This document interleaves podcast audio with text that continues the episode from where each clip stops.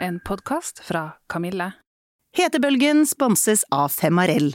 Det kan du kjøpe både på helsekost og apotek, helt uten resept. Denne podkasten er sponset av Prinsess.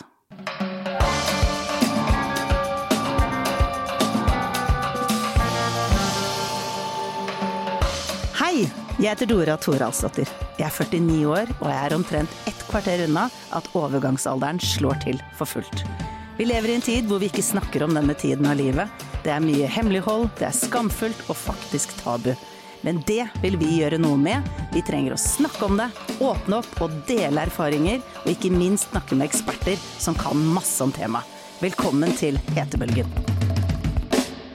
Hei, og velkommen tilbake til Hetebølgen, kjære Anita. Tusen takk. Jeg vil gjerne begynne med å si at eh, når vi nå skulle sette i gang med en ny sesong, så tenkte jeg ok, hvem skal vi snakke med, og hvordan skal vi gjøre dette her?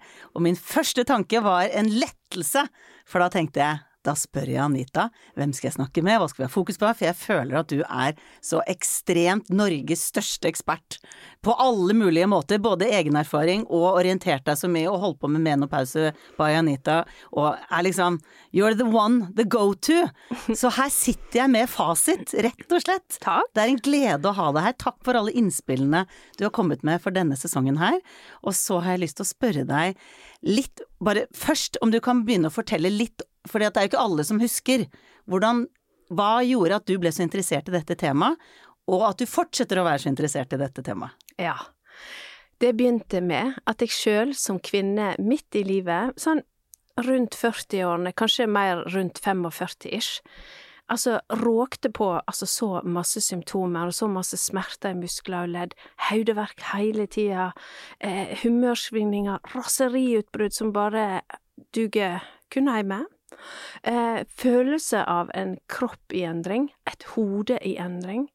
Eh, og det kunne jo fint være stress, kunne jo fint være belastning videre. Eller en skummel sykdom, som en del Eller- damer tenker på. Ikke minst. Kunne mm. jo være jeg hadde kreft i hjernen, altså, har jo Mhm. vært innom det. Eller demens var jeg innom. Kanskje jeg hadde demens. Når du hadde hjernetåke og ikke huska og sånn. Ja, for eksempel. Mm. Og mamma min hadde tidlig demens, så jeg var litt sånn på det sporet. Og så eh, demrer det for meg etter hvert, egentlig mer sånn at du ser det i ettertid, at her Særlig det her med søvnen var så plagsomt. Så da begynte jeg å google. Hvorfor sover jeg ikke? Og gjerne midt på natta, for det er jo da vi var våkne, så det gjorde jeg. Og da dukka det stadig mer opp overgangsalderen, men et litt sånn kjølig beskrivelse av klinisk hva skjer. Og det jeg var ute etter, det var Men alle de andre kvinnene som har gått før meg, da, hva, hva har de opplevd? Er det bare meg, eller hvorfor har jeg det sånn? Og så fant jeg veldig lite svar. Og så tenkte jeg, men som jordmor, med en mastergrad, med liksom muligheter til å sjekke ut det her på forskningssida, så må jo jeg finne noen svar. Og så tenkte jeg, hvis jeg lurer på det, så er det helt sikkert flere, og jeg fant ikke det jeg lette etter på sosiale medier, for jeg ville sitte i sofaen min, jeg, godt tilbakelent med teppet over meg. Ja, jeg kom til å kaste det teppet vekk snart da, på grunn av hetetukt, nei, men det var nå så. Eh, så jeg ville gjøre det hjemme i ro, med min egen si, i mitt eget tempo, når hjernen fungerte. Så derfor så begynte jeg i Instagram, fordi at det er så lett tilgjengelig. Så delte jeg alt jeg fant, jeg delte alt jeg opplevde sjøl. Begynte litt sånn systematisk, symptom for symptom. Og her er jeg da, nå er, jeg begynte i 2019, og planen og målet var egentlig å kunne være med å løfte kunnskapsnivået til alle, og nå er ambisjonen enda høyere, for nå vil jeg faktisk at vi skal løfte kunnskapen til alt, også helsepersonell, også politikere, også de som sitter og lager på en måte hva skal vi satse på innen kvinnehelse i Norge i fremtida? Og jeg tror oss kvinner midt i livet, vi som er arbeidstakerne, vi som står på, vi som har dratt landet frem der vi er nå, at, at vi må få enda mer tilgjengelig informasjon om kroppen vår, ikke sånn, ja, kroppen vår og ikke minst hva vi kan forvente, sånn at ikke vi blir sveipt av bana og tror at det er oss det er noe galt med fordi vi ikke kjenner oss igjen, eller fordi at, ja, så der, der er vi. Mm. Og, og så jeg har hatt nesten alle plagene i, i boka. Vil jeg si. Kanskje utenom angst, men jeg har hatt det der an, angstens lillesøster, nemlig sinne. Den her uroa. Så jeg vil si hvis du har et symptom som du lurer på kan det være overgangsalderen, og hvis Anita har hatt det, ja, da, da kan det godt være det. Så jeg er erfaren. Eh, men jeg er òg blitt ekstremt kunnskapsrik, må jeg si. Og ikke minst så har jeg altså fått så mange samtaler med kvinner som forteller meg og bekrefter overfor meg at dette her, det er det mange av oss som opplever, og at vi trenger å snakke om det. Vi trenger å eh, sprekke den der ballongen av skam og Mm. stigma og tabu. Jeg tenker at eh, jeg, jeg har lyst til å bare sammenligne litt det med å føde et barn og ha Mm. et nyfødt barn. Det er ikke sider med medisinsk info om eh, hva barnet trenger av ernæring, eller hvor, eh, hvor mange timer det ideelt burde sove. Det er hvordan oppleves det for andre å være i denne situasjonen. Når jeg eh, blir lei meg, er det vanlig, er dette vanlig, er dette normalt? Det er historiene. Hvordan oppleves dette når du blir kasta inn i noe nytt som man gjerne er på jakt etter? Og jeg er jo selv pårørende for en som har hatt kreftoperasjon, og jeg er ikke så innmari opptatt av alt det der medisinske. Mm. Det er mer hvordan opplever andre det etterpå, hvordan har Hvor blir det av historiene? Mm. Og det er liksom det samme at det er det Og det er derfor vi også har denne podkastserien her, er liksom følelsen av ikke være alene lenger. Fordi det er så mange som sitter, som du sier, i sofaen midt på natta og lurer på hva er det som skjer med kroppen min. Så det at du har da først disse erfaringene Du opplevde jo det en tredjedel av alle kvinner opplever, som er å ha en skikkelig heftig overgangsalder. Mm. Og så deler du de opplevelsene, og så har du lært deg masse, snakket med veldig mange, og så vet jeg at du har et veldig stort engasjement også på arbeidsliv og Mm. overgangsalder. Fortell, hva handler det engasjementet om, og hva vil du? Det engasjementet kommer med mer kunnskap. Fordi at det er lett å tenke at overgangsalderen er et privat anliggende, og det er det jo. For det er min kropp, det er min overgangsalder, det er ikke Jeg har ikke noe opplysningsplikt, eller hva skal jeg si, det angår jo ikke jobben min. Men jeg merkte jo etter hvert som jeg fikk mer kunnskap, og etter hvert som jeg fikk denne verste, den første delen av overgangsalderen, den kaller perimenopause, det er disse årene der du fremdeles har mensen, men du kan få symptomer som kommer og går. Eh, helt klart at det påvirkte meg på jobben, sant. Bare hodeverk, hva påvirker ikke det oss kvinner på jobben? Sånn at jeg har gått ifra å tenke at det er et privat anliggende, til at nei, det angår faktisk også arbeidslivet, primært fordi vi kvinner midt i livet er en fryktelig sterk, god eh, arbeidskraft. Sant? Vi er solide, vi har gjerne fått barna unna barnehagen, vi begynner å bli de som eh, ikke har det der syke barn-problematikken, for eksempel. Vi er de som har erfaring. Sant? Eh, bare som jordmor, den, eh, etter 20 års erfaring, hvor mye mer, hva verdi har ikke den kompetansen min, sant? Og dette er bare tjener som eksempler, men det betyr at når, når vi vet i dag at for en tredjedel, eller iallfall to tredjedel, så kan overgangsalderen presentere seg med på en måte moderate til sterke symptomer eller plager. Og hvis de gjør at man ufrivillig tidvis må ha sykemelding eller være på sykefravær, eller en opplever en så sterk belastning på eh, å kunne utføre jobben at man blir eh, ur, altså man blir redd for å klare jobben min, um, så tenker jeg at da begynner det å angå arbeidslivet. Og da handler det ikke om å sykeliggjøre kvinner. Den bare punkterer vi med én gang. For dette her er en naturlig livsfase, men naturlig kan òg gi belastning, sant? Absolutt. Og, og det her da med at um, likestilling mener jo jeg ikke nødvendigvis handler om at vi skal være helt like, men vi skal ha lik verdi. Og det å være kvinne inneholder den verdien at vi kan føde barn hvis vi vil, hvis vi kan, og vi går gjennom overgangsalderen uansett om vi vil eller kan. Og dermed så er det jo på en måte at skal vi, skal det være reell likestilling, så må dette tas inn i forståelsen av hva, hva kvinner går igjennom. Og da mener jo jeg at å få til en bevissthet på kunnskapsnivå, primært, kunnskapsnivå inn mot uh, at arbeidslivet får generell kunnskap om overgangsalderen, at ledere vet at dette er en normal livsfase for de fleste. Jeg har, jeg syns alltid at jeg må nevne at vi må òg ta med de som ikke har naturlig overgangsalder, og som blir kasta ut i det medisinsk eh, eller kirurgisk. Kan du si veldig kort hvem de er? Ja, det er de som eh, av medisinske årsaker, det kunne jo være eksempel kreftbehandling eller, eller operasjoner, fjerner eksempel begge eggstokkene. Sånn at når du fjerner begge eggstokkene, så forsvinner hovedtyngden av din hormonproduksjon, sant. Og det skjer um, Og denne her skulle ikke si kirurgiske, medisinske menopauser, den kan være midlertidig, eller den kan være permanent. Hvis du fjerner begge eggstokkene, så er den, er den permanent. Men de kommer ofte brått i symptombildet. Mm. Ikke alle, da, sant? Men de må inkluderes. Vi må huske på at det er ikke alle som bare har en gradvis reduksjon av hormoner. Ja. Og så er vi 49% av arbeidsstokken i Norge. 80% av de 49 mm, mhm. av oss ladies eh, jobber i primært liksom i helse og omsorg, læreryrke, serviceyrke.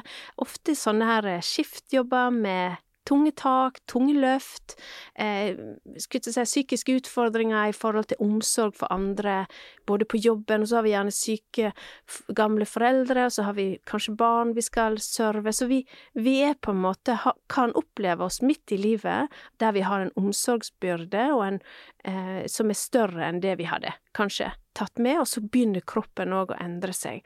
Og dermed så mener jeg at det er her må vi ta tak i når det gjelder arbeidsliv, fordi kunnskap alene kan gjøre at en ser det i en sammenheng, og kan gjøre tiltak som ivaretar den enkelte i større grad. Hva slags tiltak da? Ja, og det kan jo Nå er vi heldige her i Norge, vi har stort sett toalett på de fleste arbeidsplasser, men sånn internasjonalt så har jo det her med eh, overgangsalder, eller menopause og arbeid, blitt en veldig viktig kampsak, eh, der det handler om kvinners rett til å ha eksempel lett tilgjengelig toalett, eh, arbeidslokaler der du kan lufte, der du kan få lov å kjøle deg ned, tilgang på kaldt vann, ting vi kanskje tar som en selvfølge, sant, men det er noen ting.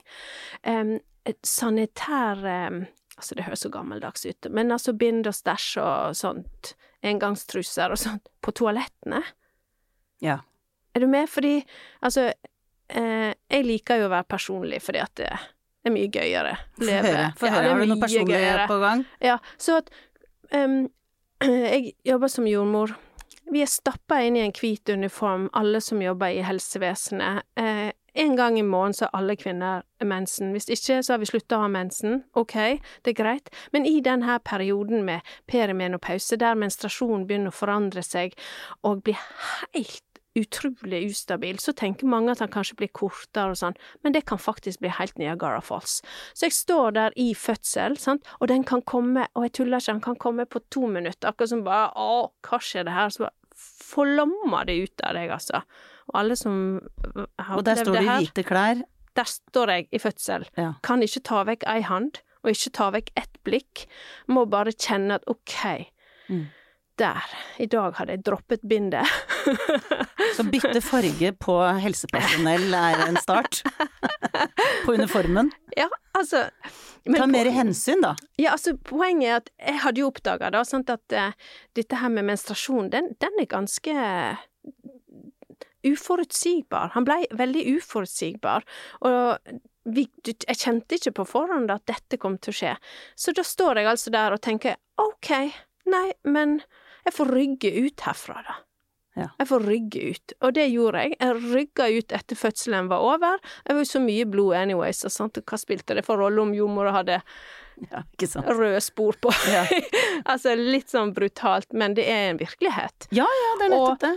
Så jeg rygga bare ut, og rygga inn på vårt fantastiske toalett på jobben, der vi hadde bind og engangstruser og sånn. Og Men det er ikke alle, er alle arbeidsplasser som har det. Det er jo svært få. Ja, og ekstra, Mm. eh, ekstra uniform, sant? Og at det er tabu, det viser jo dette her ekstremt, for at eh, mm, hvis vi bare hadde visst at dette var vanlig, så hadde det vært my line up. På en kvinnearbeidsplass så bør dette være systematikk i. Det var nå én ting, sant. Den er nå litt sånn hard og brutal, sant. Men, men det her med hetetukt der òg, det vi veit, sant, det er jo at det, på, det skjer et eller annet i hjernen vår når vi får hetetukt, som gjør at vi kan lett miste fokus. Vi kan bli litt sånn enveiskjørt på hva vi gjør på. Vi må virkelig bruke all vår energi på å holde fokuset vårt. Og dermed så ender vi opp med at vi em, føler at vi har forandra oss, og i det øyeblikk vi har en hetetokt, så, så blir vi stressa. Jeg får bare lyst til å hive av oss Vi kan ikke hive av oss eh, uniform, for eksempel, på jobb. De fleste av oss kan ikke bare hive av seg blusen eller noe. så det her med å kunne få kjøle oss ned, sant, sørge for at vi, vi Særlig hvis det er innen helse og omsorg, sant, at vi har uniformer som kanskje er noe annet enn disse tyngste bomull. Men nå er vi på detaljene, da. Men, men jo, men det er et skjønner. eksempel på Ja. å tilpasse realiteten inn i det hverdagslivet som vi har. Ja. Og jeg har også tenkt på det eh, Særlig da jeg begynte å virkelig interessere meg for dette her, så tenkte jeg at det er jo ganske sprøtt at det er en allmenn oppfatning av at hvis du har en dame som er ganske gravid, sånn Mhm. at kulen syns ganske godt, så er det allment eh, allmenn forståelse av at hun kan bli veldig sliten, eller vil kanskje dra hjem litt tidligere, eller hvis hun holder en presentasjon og ikke husker helt ting og tang, så er det en veldig sånn empatisk tilnærming til at ja ja, men det er jo mye som skjer, det er hormoner, og det er ikke rart du plutselig begynner å grine borti en krok her, og at det er en sånn Det er helt greit, du er gravid, vi skjønner det. Men når en dame da kommer i overgangsalderen, og la oss si at hun skal stå foran kollegaen og snakke eller noe, og så har hun da kanskje sovet dårlig sammenhengende et helt år, sovet lite, nattesvette, så er dette med dårligere konsentrasjon, hjernetåke et av symptomene, eh, nedstemthet, mindre energi, eh, og når du putter alt dette her, sånn som du hadde jo ekstremversjonen av Mm. overgangsalder, så forventer vi det samme av kvinner midt i livet som før, men som har det helt sinnssykt tøft eh, på alle måter fysisk, Mm. eh, og store utfordringer. Og da blir det egentlig bare latterliggjort. Det blir mer sånn se på hun, da, ser helt gjennomsvett ut, rød i fjeset og eh, Mm. virker utilpass og ukonsentrert, og så dømmer vi. Og det tenker jeg er da har vi kommet så kort i noe som angår alle damer på Hallo! Informasjonen om det, og gravide trenger vi også informasjonene om hva som skjer når vi er i overgangsalderen, Ja. for å ikke ha så hardt samfunn, men at det er raushet på og forståelse når vi er der i livet, at det er ganske mange plager som påvirker, som ikke vi burde liksom stå og skamme oss over, men bli møtt med forståelse, og som du sier, kanskje muligheter til å kjøle seg ned, eller eh, liksom escape routes, eh, Mm. å komme til for å ikke stå og stampe og føle seg alene og det er noe gærent med meg. For det er jo ikke noe gærent med alle de som sliter. Dette her er helt normalt, men de føler seg så alene ofte, nettopp pga. kunnskap. Så kjære Anita, hvordan får vi til dette her? Ja, vi må Først og fremst så må vi få kunnskap opp. Og så handler det òg om at dette her er jo de fysiske tingene, sant, som mensen og at synlig, en synlighet til tukt og alle disse tingene. Men sjøltvilen, den her altså, i, Det er gjort en studie i England der én av ti kvinner eh, slutta i jobben. Ja, det leste jeg. Det Ja. er veldig høye tall. Ja, det er Det har ikke vi råd til. Nei. På samfunnsnivå så har ikke vi råd til at en av ti sier at jeg, har ikke hjerne nok til å, å, å Eller skulle si, jeg, har, jeg, jeg mestrer ikke denne livsfasen lenger. Jeg må ha en pause, eller jeg må stoppe. Vi har uf, altså det her med uføre, det her med sykefravær, det her med eh, ikke tørre å ta en forfremming, sant. Ikke tørre å satse på karrieren din fordi at du tenker ja, men jeg er ikke den skarpe kniven jeg var før, sant. Eh, og bare det at vi, vi sier at eh, for det første så er det midlertidig. De fleste symptomer som kvinner har, er midlertidig. Og vi trenger ikke gå inn i detaljer på, eh, på unntakene, sant, men, men det er midlertidig. Vi bør kunne klare sånn arbeidslivsmessig å beholde denne ressursen. Hva skal til? Og kvinner i dag kjenner, hvis de bare får kunnskap, så klarer de helt fint å navigere det her. Og hvis vi får vekk skam, så vil det jo bli helt åpenbart ok, så du sover dårlig for tida, hva trenger du da? Trenger du å komme klokka åtte, klokka ni, hva gjør du her, sant? Hva trenger du? Er det eh, Trenger du en Altså, det her Jeg er veldig opptatt av Vi skal ikke snakke om tilrettelegging, for da er det jo rett over i sykeliggjøring, sant, som om det skulle Som om vi kvinner trenger noe spesielt, sant. Men det er jo ikke det det er snakk om. Men det er snakk om kan vi respektere denne livsfasen også innen arbeidslivet, og ta inn over oss at det å beholde denne ressursen, det tjener samfunnet på, og enkeltmennesket tjener på det. For det er ingenting som er bedre enn å få lov å være i jobb. Ja. Sant? Og da er det jo um, Der er detaljer, men det de har sett på i England, og det europeiske menopause- og andropause society, de sier det at det handler om å lage inkluderende arbeidsplasser der man informerer om hva er overgangsalderen, hva er normalt. Man får tak i superbrukere, som jeg kaller det. Sant? Kvinner med erfaring og kunnskap i hver bedrift, som har eh, kompetanse på overgangsalderen, og som du, når du ønsker det, kan ta kontakt med for å få en sparrepartner. Ja. Sant? Om hva En fadder slags. En slags menofadder, ja. Men det er der For det trenger ikke handle om at du skal informere sjefen din om noe som helst som skjer på ditt private eh, hormonelle plan, men kanskje du trenger å snakke med noen. Kanskje du trenger å få vite det at det er helt ok i perioder når du sover dårlig, eller du får mer angst, for veldig mange får mer sånn uro og panikkangst. Så hva slags verktøy kan du bruke? Sant? Ok. Hetebølgen er sponset av Femarell. Det er Norges mest solgte produkt uten resept for lindring av overgangsalderplager. Symptomene på overgangsalder det vet vi det kan være hetetokter, søvnproblemer og humørsvingninger, og virkningen av Femarell det er godt dokumentert, og du kan bruke de fra første symptom på at overgangsalderen er kommet. Eh, hva kan du gjøre for å sikre deg, sånn at du slipper den vonde følelsen av at jeg ikke husker hva jeg skal gjøre? Trenger, sant? Så der er vi, at det både på et individnivå blir respektert, men også på et bedriftsnivå blir løfta opp. Og så snakker de da om sånne spesial um, selvfølgeligheter som vi har, nemlig toalett og tilgang på kaldt vann, som vi var innom. Mm. Uh, og, og jeg tror at i England så har, eller i det europeiske menopause- og andropause society, så kaller de eh, menopause friendly workplaces. Og det har jeg litt sånn oversatt til menopausevennlige arbeidsplasser, fordi at det er det det er snakk om. Menopausevennlige, altså vekk fra det som du snakket om, den der skammen og dømminga, og over i at hva kan vi gjøre for å backe deg nå? Ok, så vi ser at du eh, altså et eller annet, sant, Altså, hvis man får til en superbruk eller en støttegruppe, eller kall det hva en vil, Mhm. spørs hva bedrifter profilerer seg i retning av, sant. Og der så er det òg en retning mot å få til em, en menopausepolitikk. Altså vi, sant, altså at vi sikrer at dette er noe som kommer em, systematikk inn i.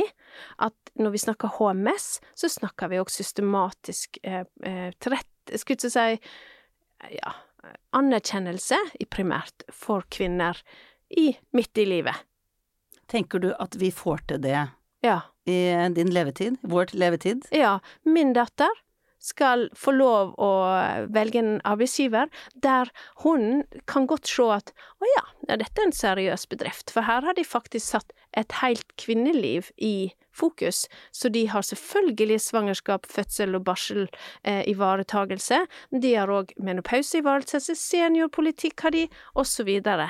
Ja, Sant? så det er bare en del av de Ja. andre hensynene å ta Ja. i et, i et kvinneliv, eller i et menneskeliv. Ja. Fordi at hvis vi kvinner skal likestilles, så må, det, må vi inkludere dette. Fordi at eh, og dette er jo det 100 gar garantert går igjennom, men det er riktignok ikke alle som merker det noe særlig. Og så må jeg bare skynde meg å tilsi at, eller si at um, jeg syns det var befriende å få lov å gå på jobb, jeg, da. Ja. Slippe meg sjøl. Lite grann. Altså det her at vi skal ikke se, skal ikke skubbe under bordet at det å få lov å gå på jobb og være sin vante jeg med 'dette kan jeg', her er jeg kjempekompetent, dette er jo min superpower, jeg, dette jobber jeg med. Å få lov å være det òg.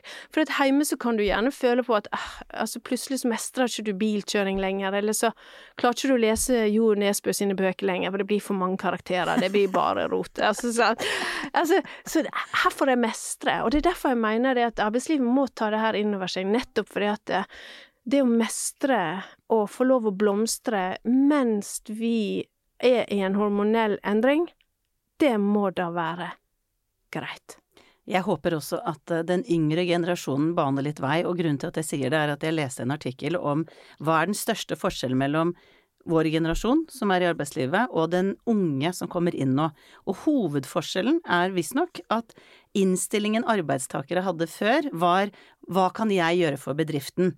Bare si hva jeg skal gjøre, så stiller jeg opp. Mens nå, de unge, De shopper mye mer, de hopper til og fra, og innstillingen er hva kan du som arbeidsgiver gjøre for meg? Mm. Sånn at det kan jo hende at den yngre generasjonen tar mer for gitt at selvfølgelig skal jeg ha en arbeidsplass som er tilrettelagt, som du sier, svangerskap og graviditet og, og sånn, eh, småbarnstid, og selvfølgelig også når jeg kommer i runde to med Ja. det hormonkjøret som jeg har i vente, Mm. at det også er tilrettelagt. Til, og det er ikke mye du snakker Det er jo ikke Altså, du snakker om bind på do, eh, At det går an å kjøle seg ned litt, og uniformer som er menneskevennlige. Ja, for eksempel. Eh, rett og slett, hvis vi skal kalle en spade for en spade. Ja. Det er jo ikke noen sånn ekstreme krav her. Du skal jo ikke bygge en bygning ved siden av å ha spa, liksom. Det er jo ja, men når du sier det tilgjengelige ting. Ja, altså, det hadde jo vært Kanskje fint. vi skulle Alle, det er krav om spa på alle steder, og fuglekvitter og sånn Ja. stille rom og sånn. Men, Ja, men det er ikke tull. Det er kun Syden. Ja. En liten sånn ett Ja. lite To masse kvadrat. palmer på veggen, og litt rolig musikk, og så går du inn der og Og litt kjølig. Ja, også det her med å kunne få ta seg pauser. Fem minutter. Mm. Eh, det er alt etter hva slags yrke du har, da. Men det å kunne ta seg fem minutter og få ned eh, og Fem minutter til meditering, eller se ut på fuglene, da, som du Trenger sier. ikke å være i overgangsalderen for å ha glede av det, tror jeg. Nei, det er sant. Mm. Så Men- det, det tror jeg er en investering for alle. Så jeg tror du har helt rett. Jeg tror den generasjonen som kommer, kommer til å se etter de bedriftene som tar kvinners livs, normale livsfaseløp på alvor. Så der kom det da, når vi er nå runder av akkurat dette temaet, for det er et Ja. tema til jeg vil gjerne snakke med deg om. Eh, til alle som er ledere, til alle som har muligheten til å påvirke, og til alle uansett, eh, om du er på, nederst på gulvet, så er det noe med å begynne å si ifra om at dette er noe vi trenger. Vi trenger å ha mer bevissthet Mm. rundt å gjøre en arbeidsplass bedre for kvinner i overgangsalderen. Rett og slett. Yes. Ja.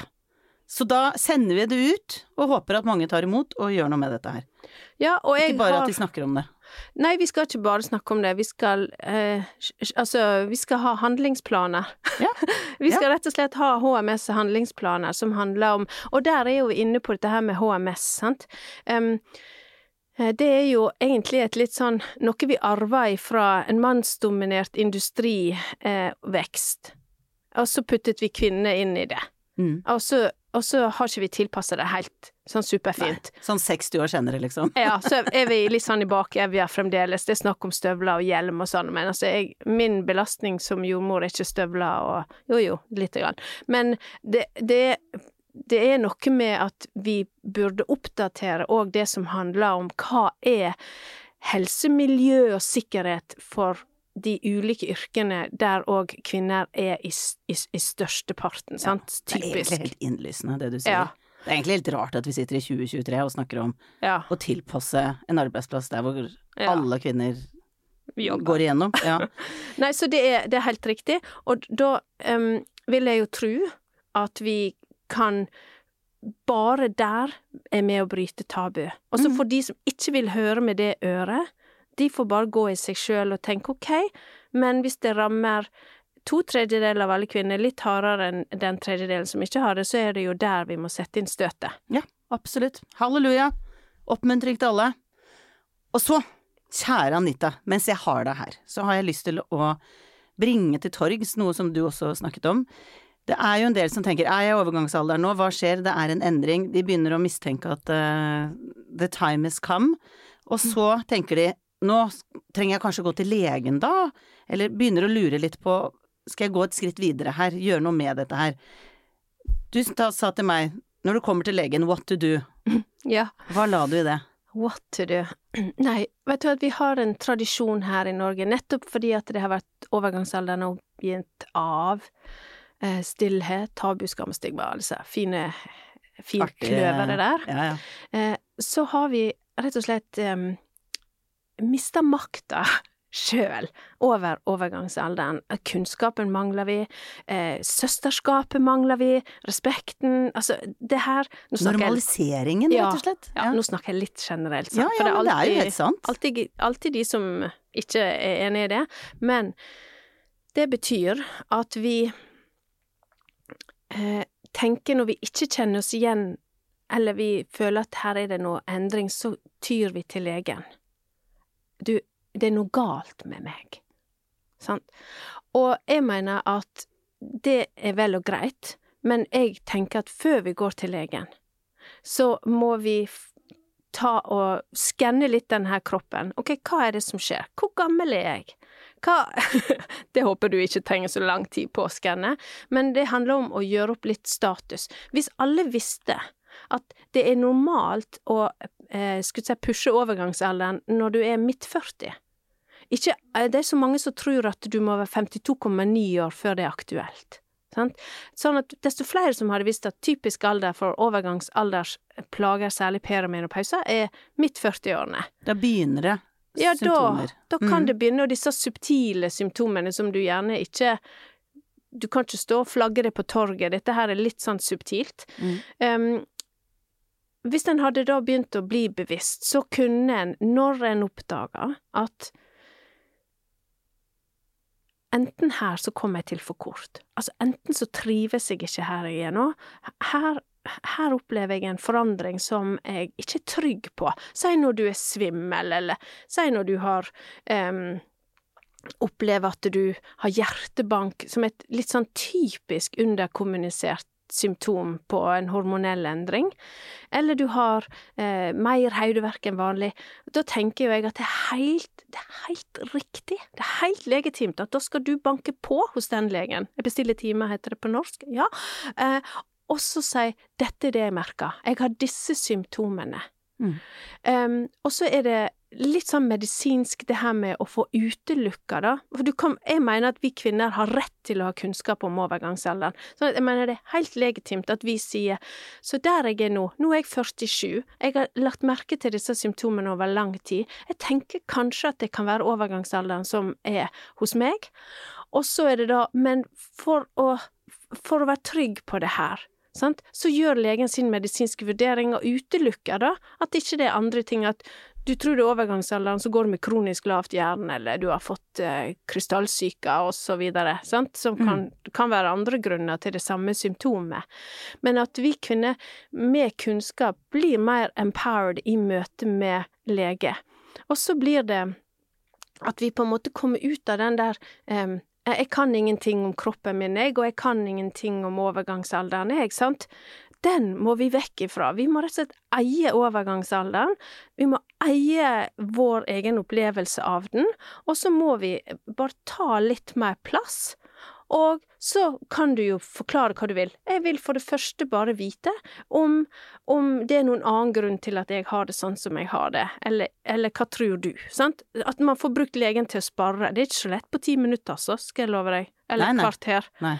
Og så er det da, hvis du er nysgjerrig på hva kan medisinsk sett være aktuelt for deg, er du i den en tredjedelen av kvinner som var plaga eh, så heftig som jeg var, så ville jeg jo si at eh, det å få kunnskap om hormonterapi, for eksempel, var en game changer. Ok, så kunnskapen kommer på plass. Du tar en diskusjon med legen. Er det noen medisinske grunner til at jeg ikke kan vurdere hormonterapi? Er det noe, har du noen gode råd til meg der? Og så har man den her dialogen.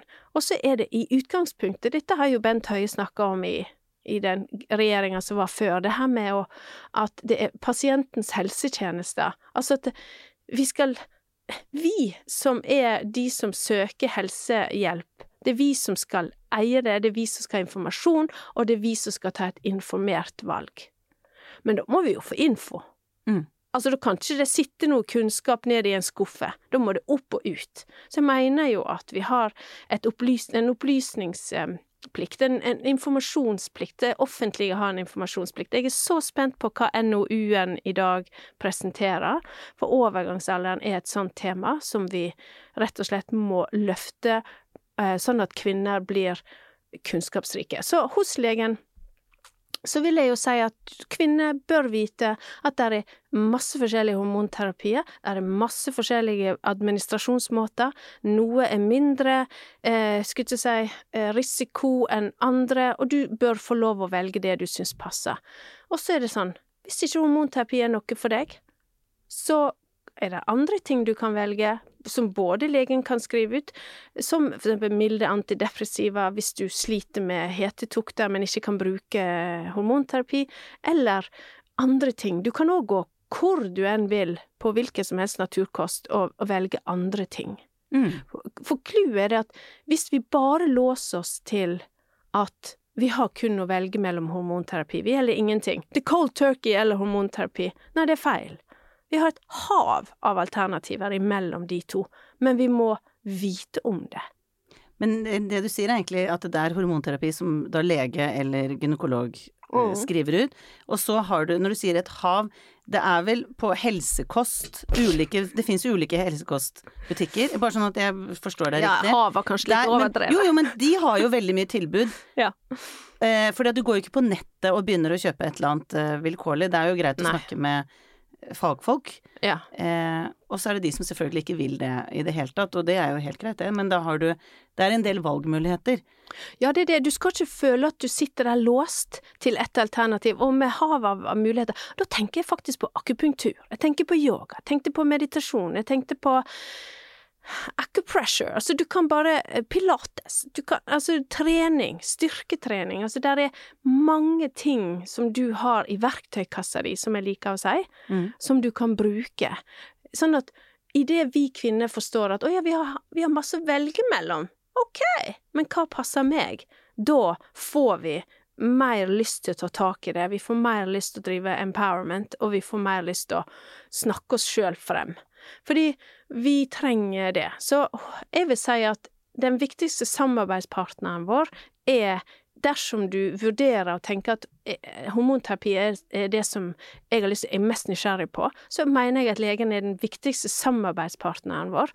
Og da må vi få til at det kunnskapsløftet som trengs eh, hos leger Her sier jeg leger, så kan man kalle det akkurat hva eh, spesialisering man vil, for jeg mener at de fleste leger burde ha mer kunnskap. Ja, ja, ja. Altså, det er jeg helt enig i. Så uh, må vi få opp den kunnskapen, og den kommer med bevisstgjøring i samfunnet vårt, og det kommer med at politisk sett så sier en nå.